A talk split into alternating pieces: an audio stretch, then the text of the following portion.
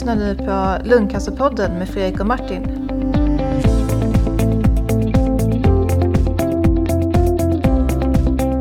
Hej och välkomna till Lungcancerpodden. Ny vecka och ny eh, lungcancerpodd helt enkelt. Eh, Jag sitter här med Martin. Tjena Martin! Hallå Fredrik. Eh, Och idag har vi en gäst med oss och Kerstin. Hej Kerstin! Hej! Hej Fredrik, hej Martin och hej alla som lyssnar. Jättekul att du kunde vara här idag. Eh, Kerstin, har du lust att börja lite och, och berätta om dig själv? Ehm, vem du är och vad du har för bakgrund? Absolut. Eh, jag heter Kerstin Cedermark och är sjuksköterska och har lång erfarenhet av att vara kontaktsjuksköterska för just lungcancerpatienter eh, i Stockholm på norra sidan på Karolinska sjukhuset i Solna. Och jag har jobbat i eh, ungefär 24 år med lungcancer och det är någonting jag verkligen brinner för. Eh, så att jag är jätteglad att jag är inbjuden till podden. Mm. Eh, det var ju faktiskt så här att jag och Kerstin träffades första gången. Jag kommer inte ihåg det så bra men jag vet att Kerstin var inne i mitt rum när jag låg på KS och fick min diagnos med en kontaktsjuksköterska som jag fick sen då. Och Kerstin skulle precis eh, jag går vidare är väl fel ord att säga. Men du, du skulle eh, börja jobba på, eh, på ett nytt ställe va? Var det inte så? Ja, jag tänkte eh, att jag skulle göra, byta arbetsplats innan jag fyllde 50 år. Så att jag slutade inte på lungkliniken för att jag inte trivdes med mitt jobb utan jag tänkte att jag skulle se lite annat och vidga mina perspektiv. Så då gick jag över till avancerad sjukvård i hemmet och jobbade med det i två år, vilket var mycket nyttigt tycker jag. Eh, och sen har jag efter det jobbat på någonting som heter Regionalt cancercentrum Stockholm-Gotland. Och där har jag arbetat med patientinflytande och patientsamverkan. Så att det känns som jag ändå har en, någon slags linje i det jag gör. Eh, och nu jobbar jag bara sedan några månader tillbaka med cancerrehabilitering som man har valt att satsa på i Stockholms läns landsting. Så jag arbetar på ett nystartat center för cancerrehabilitering. Och det är jättespännande kan jag säga. Det låter ju eh, verkligen behövligt. Eh, Hur är det här som, eh, som patient? Vad har, man, vad har man tillgång till? Det, det skiljer sig då mellan landstingen men, men om, då, om Stockholm får vara så får, får vara någon sorts modell så får väl liksom Får man Ja, anta ja, att det ja. finns liknande i andra landsting? Ja, alltså det, det, det skiljer sig som det gör i, i vården mellan de olika landstingen i vårt avlånga land hur, hur det här med cancerrehabilitering fungerar. Men jag tror att det här ändå är liksom någonting som kommer mer och mer i hela landet. Jag vet till exempel att, att nere i Skåne har man en satsning på cancerrehabilitering. I Göteborg har man olika projekt när det gäller cancerrehabilitering och eh, vi här i Stockholm har ju nu öppnat ett centrum där dit alla oavsett diagnos och kliniktillhörighet är välkomna. Eh, och det, det känns jätteroligt. Jag tror att många landsting eh, kommer följa efter. Jag vet att de även är på gång uppe i Umeå i nor- norra Mm. Sverige. Får jag bara fråga, hur, Mm. hur kommer man som patient eh, till er då? Är det, att, är det som vanligt att, att det ska vara någon doktor som skriver remiss eller har man möjlighet att söka sig själv? Ja, man har möjlighet att söka själv. Alltså vi har fått ett ganska tydligt uppdrag av de så kallade beställarna då som beställer sjukvård. Och uppdraget eh, är skrivet så att det är så kallad avancerad cancerrehabilitering. Så att den, den akuta biten när man får sin diagnos och kanske när man är under en intensiv behandling, då är det akutsjukvårdens sak att sköta rehabiliteringsbiten på plats. Men vi, har, vi är öppna för att patienterna ringer själva. Man kan skriva en så kallad egenremiss. Man kan skriva remiss som kontaktsjuksköterska, man kan skriva som sjukgymnast, som doktor och så vidare. Så alla vägar in är faktiskt öppna. Eh, och nu när vi, när vi precis har öppnat upp, då är vi ganska nyfikna på hur remisserna ser ut och vad, hur behovet ser ut och vilka som, vilka som hör av sig till oss. Eh, så att eh, vi, kom, vi är ganska öppna än så länge eh, innan vi ser att det blir ett väldigt, väldigt starkt flöde och vi kanske måste snäva till det hela lite grann. Eh, men det vi, det vi satsar lite extra på så här till en början, det är eh, patienter med avancerade behov. Och då tänker vi oss till exempel patienter med mun-halscancer som är opererade och strålade eh, i huvud-halsregionen för de har en väldigt eh, svår rehabiliteringsfas. Eh, vi har också ett litet specialuppdrag för patienter som har haft cancer i bäckenområdet för de har också mycket problem i ett, i, långt efter man har avslutat sin behandling. Alltså typ Men kontinens, kontinensproblematik till exempel? Eller? Ex, exakt. Eh, inkontinensproblematik, smärta, eh, sexuella problem som kan vara eh, väldigt besvärliga för de här patienterna. Eh, förstoppning, ja, det motsatta och så vidare. Men vi ser ju också ett starkt behov hos lungcancerpatienterna. Eh, vi kan ju erbjuda även att man gör en rehabiliteringsplan när det gäller fysisk träning.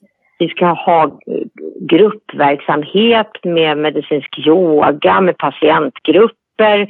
Vi hoppas att vi kan få till närstående grupper och så vidare. Så att vi ser nog att eh, eh, ja, vi har ett ganska brett eh, smörgåsbord som vi kan erbjuda patienter som behöver rehabiliteras. Otroligt spännande. eller? Låter det fantastiskt? Ja, det är jättespännande. Får jag bara passa på att fråga också, jätte- lite grann, hur, hur ser bemanningen ut och vilka person, personalkategorier är det som... som Ja, nu är vi anställda ett, ett första eh, team och vi är ju ett multiprofessionellt gäng. Eh, vi är, vår verksamhetschef heter Maria Hellbom och hon är eh, eh, psykolog i botten. Hon har jobbat i över 20 år med cancerrehabiliteringsfrågor nere i Skåne. Sen är vi två eh, sjuksköterskor och så har vi en socionom, alltså en kurator. Vi har en fysioterapeut, det vill säga sjukgymnast. Vi har en läkare som, har, en som är kombinerad onkolog och psykiatriker. Eh, Vi har en arbetsterapeut och vi har eh, en neuropsykolog. Och det är en klar tillgång tycker vi. För att vi vet att många patienter som har fått tuff cancerbehandling kan få olika kognitiva problem i, ganska lång tid efter avslutad behandling. Och även att bedöma trötthet, sån här så kallad fatig, där har hon förfinade instrument att ta till. Till exempel. Jag hoppas att jag nu inte glömde någon i, i vår... Jo, vi har även en dietist naturligtvis. Så vi är alla professioner eh, representerade här. Eh, och nu är vi under en uppbyggnadsfas under 2016 och 2017 och eh, vi ser nog framför oss att vi ska kunna expandera framöver för vi, ja, vi, vi behöver nog bli fler skulle jag tro och hoppas. Vad spännande. Som patient så, så har jag läst någonstans att man har men, rätt till två veckors rehab då i Stockholm. Vad, vad innebär det? Vad är, vad är det här med två veckor? Ja, den här biten med den här kortare eh, rehabiliteringen, i Stockholm kallar vi det för 12 dagars eh, onkologisk rehabilitering. Det är, eh, det är just ett sånt här exempel på att det ser väldigt olika ut i vårt land. Stockholms läns landsting och även Kronoberg, tror jag, har eh, beslutat att man kan erbjuda patienterna att åka på rehabilitering under 12 dagar till några ställen i eh, Stockholmsområdet men även ute i landet som har ett speciellt rehabiliteringsprogram för patienterna. Och varje ärende prövas i vår hälso och sjukvårdsförvaltning. Det är handläggare som sitter och godkänner eller ger avslag på de här ansökningarna. Och det är en läkare som ska skriva den speciella remissen. Det, det är ett speciellt formulär som man skriver. Men för de som inte har den här förmånen i sina landsting så kan man söka pengar på någonting som heter Cancerrehabfonden. Och det kan man googla på på nätet och komma in på deras hemsida. Och där kan man söka pengar för att få komma bort en vecka på den här typen av rehabilitering.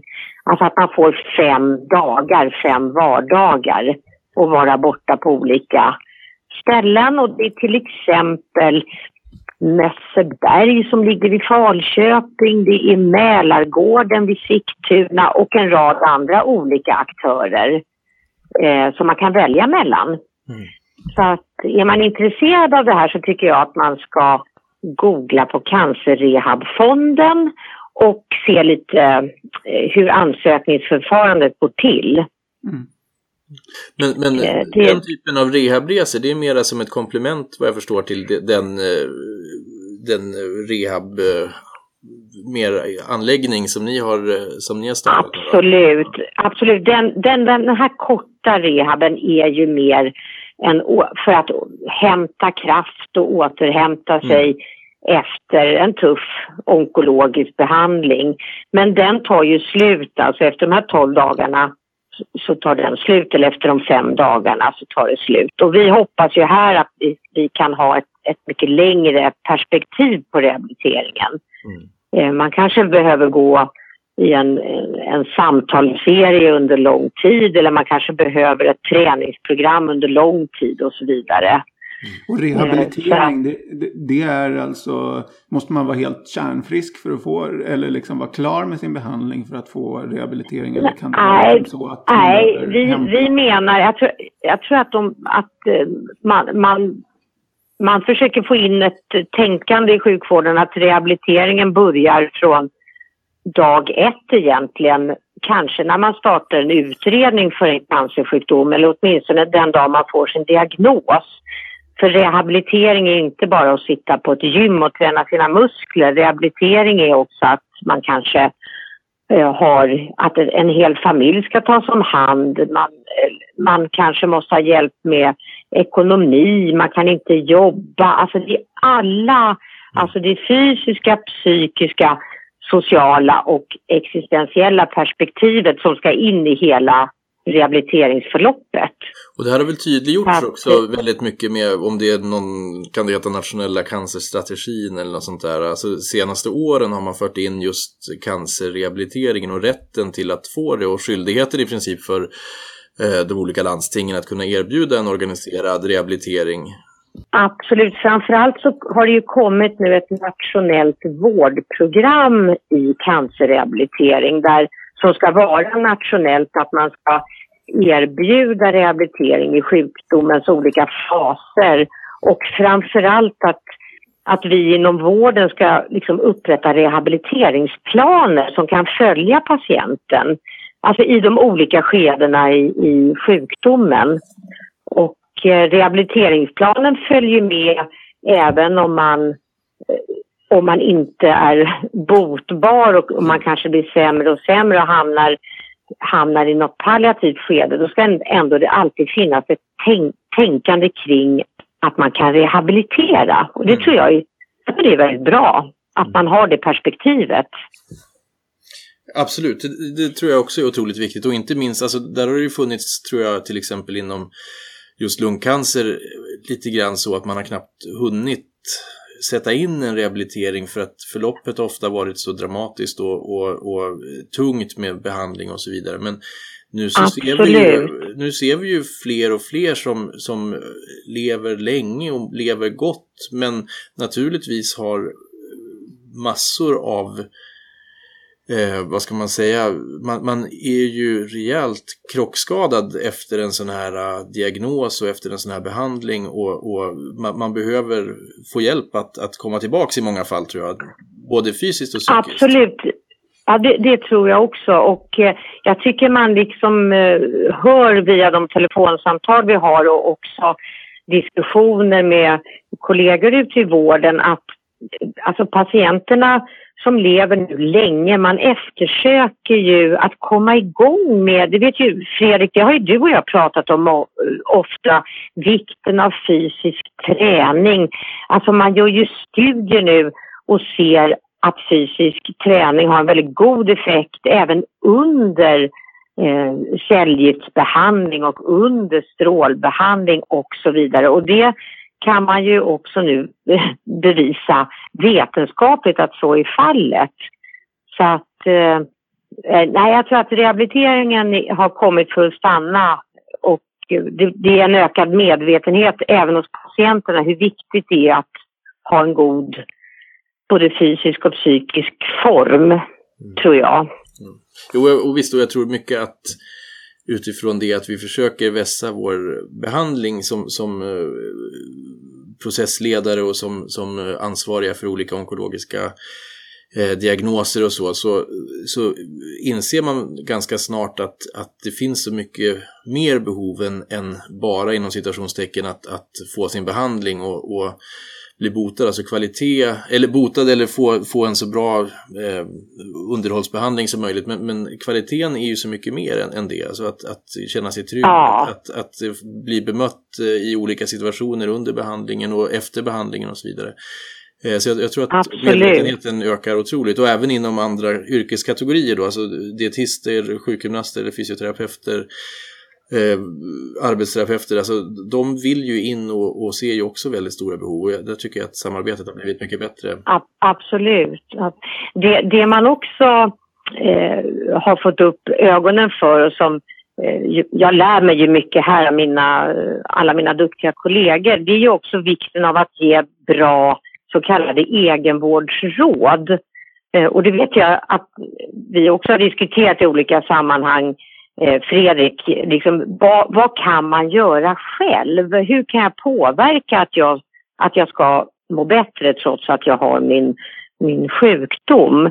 Och där tror jag man kan eh, plocka fram mycket av, av patienternas resurser och krafter och ja, att, att man eh, att man, att man lär sig lite vad man kan göra själv för att inte må dåligt.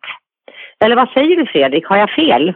Nej, jag tycker att du har helt rätt och det, det liknar lite som jag liksom hör eh, eller läser mycket om eh, som jänkarna gör, att man liksom behandlar både menar, orsak och symptom.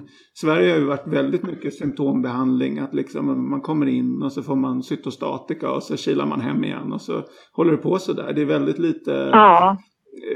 Eh, jag menar förebyggande eller eh, ja, kan man tänka på något annat. Eller ja, mentalt eller sådär. Så att det, jag tror att det här, det här finns en, en given plats för det här och det, det låter verkligen ja. bra. Nej, men det, det, det, det vi märker eh, när vi har telefonsamtal och patienterna kan ringa hit själva och få hjälp så, så efterlyser många grupper grupper att få träffa andra i liknande situation. Och här i Stockholm så har vi en, en ypperlig rehabilitering inom ramen för den onkologiska kliniken. Men lung, lungkliniken ligger utanför, hematologen, öron och så vidare. Och det, vi har nu en tanke att vi ganska snart ska kunna erbjuda gruppträffar här för patienter i första hand. Att man får liksom utbyta erfarenheter och jag tror det kan också stärka, att man kan stärka varandra, att få träffas. Det, det, det, tror jag också är verkligen A och O någonstans och, just att på många sätt så det finns ju självklart som du säger med, med har man haft en Eh, cancer i bäckenet till exempel så finns det specifika problem som uppstår när man får en, en strålbehandling eller kirurgi eh, i de regionerna. Samma sak med head neck eller lunga och sådär. Men sen så finns det ju så otroligt mycket som är eh, generiskt eller alltså det som berör eh, egentligen alla diagnosgrupper. Ja. Eh, och, och, det ska man ju naturligtvis utnyttja tycker jag, att, att försöka, för, för, ofta är ju problemet här att det går inte att utveckla saker för att det finns lite för litet underlag på orten eller hur, hur det kan vara. Va? Och just att, ja. att se till de här möjligheterna att, att att, att det ofta rör liknande frågeställningar ändå och kunna, kunna kanske skapa ett center som tar hand om likartade saker eh, istället för att koppla till varje enskild klinik och sådär. För det blir ofta mycket, det, det, är jättesvårt att få, eh, få det så att det funkar och blir en trygghet på sikt för patienten. Ja, visst är det så. Absolut. Eh, om man tänker också på de närstående så har ju anhöriga och, och närstående också ett eh, väldigt behov av att få träffas. Och där har ju inte sjukvården riktigt resurser att ta hand om närstående på det sätt man skulle kunna önska. Och eh, jag skulle vilja slå ett slag för en eh, en eh, webb... Vad heter det Fredrik? Här får du klippa bort sen. Vad heter det? Webbsida, eller vad man nu ska säga, som då heter Cancerkompisar. Eh, cancerkompisar.se. Det är en sajt för närstående som en eh, kvinna nere i Skåne har startat. Hon heter Inga Lelki. Och hon har skapat ett forum på nätet där man som närstående kan logga in och bli matchad med en annan närstående i liknande situation. Alltså man är helt anonym när man gör det här. Och cancerkompisar.se vill jag rekommendera om man lyssnar nu och är närstående och vill komma i kontakt med andra närstående. Så, så rekommenderar jag den. Intressant, det ska vi titta på. Så, eh, ja, det tycker jag ni ska titta på. Ja. jag tänkte så här, om man, om man nu sitter här med sin doktor och så, han vill inte skriva ut rehab, han vill inte det, han vill inte det och så känner man så här att nej, den här, det här, vi klickar ju inte alls och så, eh, och så, och så känner man så här, nej men jag vill nog byta doktor. Hur, hur eh, hur går man tillväga då? Hur, hur tänker man? Liksom, man, vill, man är ju lite liksom sådär Ja, men jag vill inte såra någon heller så att liksom, vad tänker man? alltså jag, jag, jag, nu, Martin, nu får du rätta mig om jag har fel. Jag tror att den här känslan att man skulle såra någon och att eh, den ansvariga doktorn skulle bli arg och så. Det, alltså problemet ligger nog mest hos patienten själv. Det är inte så ovanligt att man, att man byter doktor och som läget är nu i sjukvården med bristande kontinuitet då får man väl byta doktor vare sig man vill eller inte. Tyvärr. Det var, det var väl det jag tänkte Men... säga. att, det är nog väldigt få som, som, som, inte får byta doktor, eller på säga. Men, eh, nej, men jag förstår ju dilemmat och, och det, det är klart att jag menar, ibland, ibland klickar det inte mellan doktor och patient. Nej, precis. Eh, och, och det tror jag alla är medvetna om eh, inom vården så att säga. För det, för det, har vi alla varit med om någon gång att det, det, inte har funkat. Eller som Fredrik, vi diskuterade förut något program det här att den doktor som har givit en diagnosbeskedet kan vara så stigmatiserad av den här upplevelsen så att man kan inte tänka på något annat i princip när man träffar vederbörande. Och då kanske det är bäst att, att, att få träffa någon annan och, och, det är nog bara att ta upp det. Där, där är ju, tror jag, kontaktsjuksköterskan en alldeles utmärkt person Precis. att diskutera med i sådana fall. Eh, jag, jag, tror att det är väldigt viktigt att man eh, förstår som patient att förtroendet för, den, för vårdgivaren, det är jätteviktigt att man har ett förtroende. Annars så fungerar liksom inte eh, vården då, och man måste, ju, man, måste, man måste ha ett förtroende för dem man har att göra med som är vårdgivare. Och eh, det är inte så jag har aldrig upplevt att det har blivit någon, att någon läkare har blivit sårad eller ledsen att man vill byta läkare. Eh, nej, det får man nog vara beredd på när man har det här yrket, både som läkare och sjuksköterska, att man, man kan inte komma överens med alla individer. Nej, och så, jag menar, vi är ju till för, vi är ju till för patienterna, det är ju det som är grunden, så att jag menar, vi får väl jag menar, vi får väl acceptera det som doktorer, att, att ibland så är vi inte riktigt önskade. Sen så kan det ju vara så att, att man på grund av personalsituationen på kliniken inte kan erbjuda en annan doktor. Då, då får man ju ta den diskussionen också så att säga och så kanske man kan hitta lösningar ja. på problemet och så. Men, men, men i grund och botten är det ju just det som du säger att man som patient, om man inte känner förtroende eller om man inte känner att man ja, blir bemött på det sättet man önskar eller så, så, så, så kommer man ju aldrig riktigt att känna sig trygg i behandlingen. Man kommer inte riktigt få den optimala behandlingen för att man Nej. inte riktigt är med i, i processen. Det är ju, just alliansen där är ju så grundläggande för att det ska funka tycker jag. Nej, precis. Men eh, alltså det, det, är ju det är ett ännu större problem Eh, alltså den bristande kontinuiteten som råder i sjukvården och det är nog ett problem som vi har i hela landet. Det tycker jag att man har, jag har en mycket liksom klar bild efter alla mina år eh, i sjukvården att när, de patienter som har träffat, som har haft god kontinuitet och gott förtroende med sin läkare, man har så mycket att vinna på att Eh, ha en god kontinuitet. Både för, både för läkaren och för patienten. Svåra beslut eh, och svåra besked ges betydligt bättre och enklare om man känner varann och, har, och, och eh, vet patientens historia.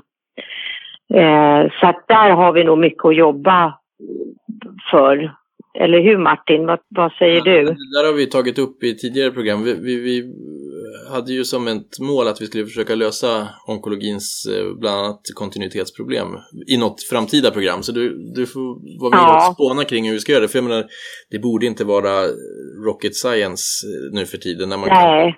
kan funktionsplanera så ofantligt tjusigt som man försöker göra på olika sjukhus så borde man väl åtminstone kunna produktionsplanera på det sättet att, att man kan få träffa en specifik läkare. Ja, jag, jag tror att man skulle man skulle även vinna, alltså man skulle säkert vinna både tid och ekonomi ja. genom att eh, tänka så, tror jag.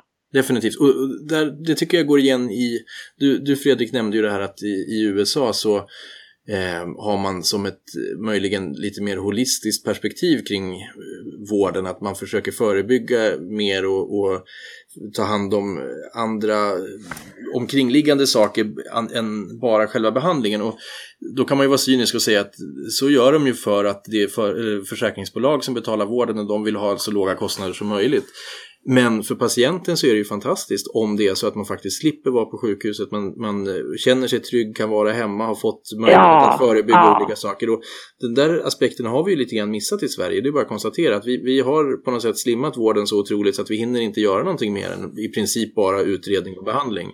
Eh, och det, det tror jag att, att vi, vi förlorar på. För att en, en patient som inte känner sig trygg, en patient som inte har en kontinuerlig läkarkontakt eller sjuksköterskekontakt och så vidare, den kommer att, att i högre utsträckning söka akutsjukvård, att, att bli inlagd, att, att konsumera mer vård om man ska prata med de där marknadsekonomiska termerna, som är negativt för ekonomin, men framförallt så är det negativt för varje enskild patient och, inte kunna vara hemma vid och känna sig trygg. Precis. Så att vi har allt att vinna på. Jag tror där, där kommer vi liksom på rehabiliteringssidan in i bilden också för att när patienterna är färdigbehandlade på kliniken så, så då får man ju gå på sina månatliga kontroller eller vad det nu kan vara, kanske var tredje månad eller halvårskontroller. Och, och däremellan så hör liksom ingen av sig och jag tror att det kan bli väldigt mycket av ett vakuum för patienterna. Varför intensiva behandlingar och så är det slut och sen ska man vänta kanske tre månader till nästa kontroll. Mm. Då, jag, jag, tror att många patienter eh, mår dåligt i den perioden, mycket funderingar och tankar. Då ser vi här på rehabiliteringssidan att vi kanske kan erbjuda någonting som gör det nya livet eh, lite lättare. Mm, absolut. Men eh, då om, om jag känner så här att, eh, jag tänkte jag frågar dig när du ändå är här. om, om man eh, får den här frågan rätt mycket liksom, ja men jag är inte nöjd med min läkare, hur gör jag? Eller, jag vet så här, det finns de som liksom har skopat ut någon, någon snygg läkare i något annat landsting till exempel. Och så känner de att men den där vill jag hellre gå hos. Kan man göra det då i Sverige? Eller är man liksom, hur, hur går man tillväga då i sådana fall? Ja, alltså man, man, alla patienter har ju rätt till en så kallad förnyad medicinsk bedömning, det som vi tidigare kallat för second opinion. Det har alla, alla rätt till. Eh, och enligt den nya lagen så har man ju rätt att söka öppen specialiserad vård i annat landsting. Eh, så det, man, det har man enligt lagen rätt till. Men våra eh, patienter som, alltså som ska ha en avancerad onkologisk behandling, man, kan, man har ju inte rätt till att, eh, att om du Fredrik, som när du bodde i Stockholm, om du vill åka upp till Umeå och nu vill jag gå här istället, det har man inte bara rätt till rakt upp och ner och att Stockholms läns landsting ska stå för den kostnaden. Det, det, det, funkar inte så. Men man har rätt till en, en second opinion hos någon doktor som, som du kanske har förtroende för. I Uppsala då kanske, Martin. Vill du, du vill att han ska bedöma ditt fall. Som av en slump. Då, då, då har man rätt till att, att få sitt, sitt ärende prövat i annat landsting eh, enligt lagen.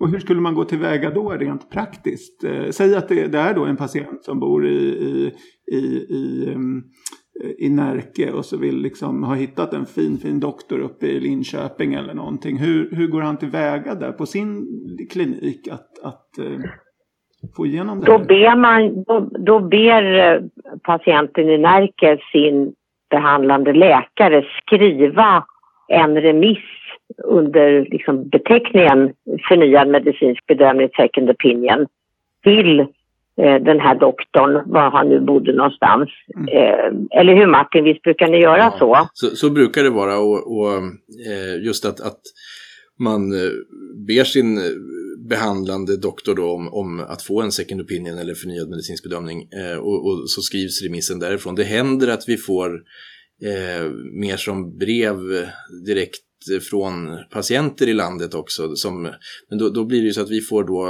eh, ja, då, då, då, får vi be om en remiss från hemlandstinget och så vidare.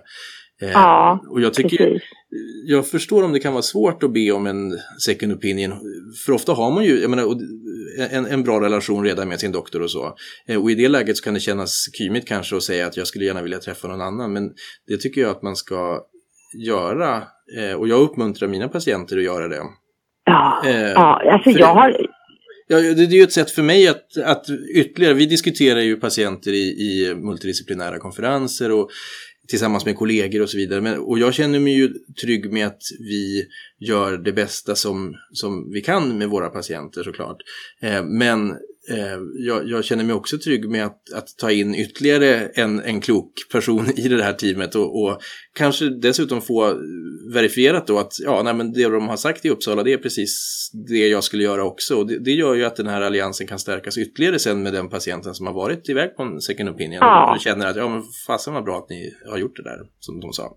Sen ibland så kan man kanske lägga till någon liten tanke sådär att ja man skulle kanske möjligen kunna göra på det här viset också. Det, det, det kan vara sånt där som, men visst det ska vi göra i sådana fall. Eh, ja, jag har då under alla mina år aldrig varit med om att någon av så, så kallade mina doktorer har, bli, har tagit illa vid sig över att eh, få den här förfrågan att skicka en remiss om second opinion. Det, det, det tror jag också är lite av en vanföreställning hos eh, eh, patienterna. För det är inte så ovanligt att man ber om en, en eh, åsikt från annat håll. Så det har man sin fulla rätt att göra. Och jag, där tycker jag också kontaktsjuksköterskan liksom kan stötta patienten och kanske vara den som pratar med behandlande doktor om inte patienten vill göra det själv. Nej men som sagt, jag, jag brukar ofta, framförallt i de situationerna där jag själv känner att det här är ju Alltså, här kan jag, eh, man kan inte erbjuda bot till exempel utan att, att vi ska göra vårt allra bästa för att det här ska bli så bra som möjligt men eh, bot kommer jag inte kunna utlova. Och I det läget så, så vet man ju att det är en kris för för den som tar emot det här beskedet och i det läget så brukar jag också säga att jag upp, liksom uppmuntrar snarast att är det så att du funderar på vad man kan göra i övrigt etc. Så, så ta gärna en second opinion hos någon som du, som du känner att du skulle ha förtroende för. Eh, och det tycker jag det, det, kan man ha som nästan en, en standardpaket i informationen till en patient som, som får en sån här diagnos. Sen så är det ju många som säger så här att nej jag litar fullständigt på er. Eh, och då, ja. okej, okay. Jättebra, och det tycker jag att du kan göra, det brukar ju svaret vara. Men, men återigen, det, det, är inte på något sätt så att man skulle känna sig förminskad om, om, det här är ju ett av de viktigaste situationerna i livet som man står inför så det är inte konstigt att ja. man vill ha det här dubbelkollat från alla håll. Ja, ja men precis, precis. Eh, sen så kan det ju vara så att patienten begär sin eh, second opinion och eh, ponera då att man rekommenderar en behandling som man inte ger i det egna eh, landstinget och då, då står att Eh, patienten ska erbjudas den behandling som den nya bedömningen kan ge anledning till om behandlingen står i överensstämmelse med vetenskap och beprövad erfarenhet. Så att eh, det måste vara, om, om man kommer med ett förslag på behandling så måste det vara liksom i linje med så kallad evidens, att det är vetenskapligt bevisat att det är det här patienten ska ha.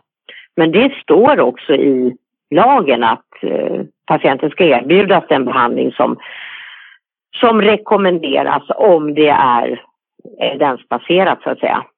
Jo, det är ju vi bundna till som läkare att arbeta inom de eh, premisserna också så att säga. Så, att, så att det, det, det, måste vi förhålla oss till i samband med den här förnyade bedömningen. Sen så, men, men visst, det finns definitivt en, en eh, problematik med, med den förnyade bedömningen just i det att när man inte är behandlande läkare så är det lätt att diskutera kring de behandlingar som ligger i gränszonerna som kanske prövas och så vidare. Och det där tror jag man måste vara väldigt försiktig med när man eh, har det här besöket. Så att, så att, för det, annars man, man kan inte måla upp, måla upp möjligheter som, som faktiskt inte är evidensbaserade.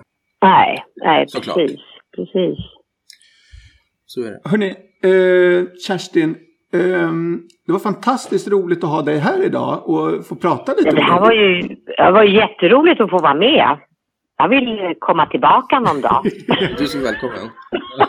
Nej, men det vore oerhört kul att få en uppföljning när ni har varit igång ett tag och sett lite grann vilka behov som, som har blivit och, och hur, hur man skalar upp det och erfarenheter. Så, för det där tror jag är en modell för övriga Sverige också. Jag känner här i Uppsala så har vi definitivt ett behov av just det här att någonstans som, där man kan få den här multidisciplinära möjligheten och, och med, med det, det, uppdraget att det är cancerrehabilitering. Än så länge har vi inte det. Absolut. Ja. Absolut. Nej, men det, det känns jätteroligt att få vara med och, och bygga upp det här. Så jag kommer gärna tillbaka och berätta mera. Roligt. Och de här länkarna vi har pratat om idag, bland annat till eh, ja, men Cancerrehabfonden och eh, cancerkompisar och sådär. De kommer vi lägga ut på vår hemsida på lungcancerpodden.se. Så att de Jättebra.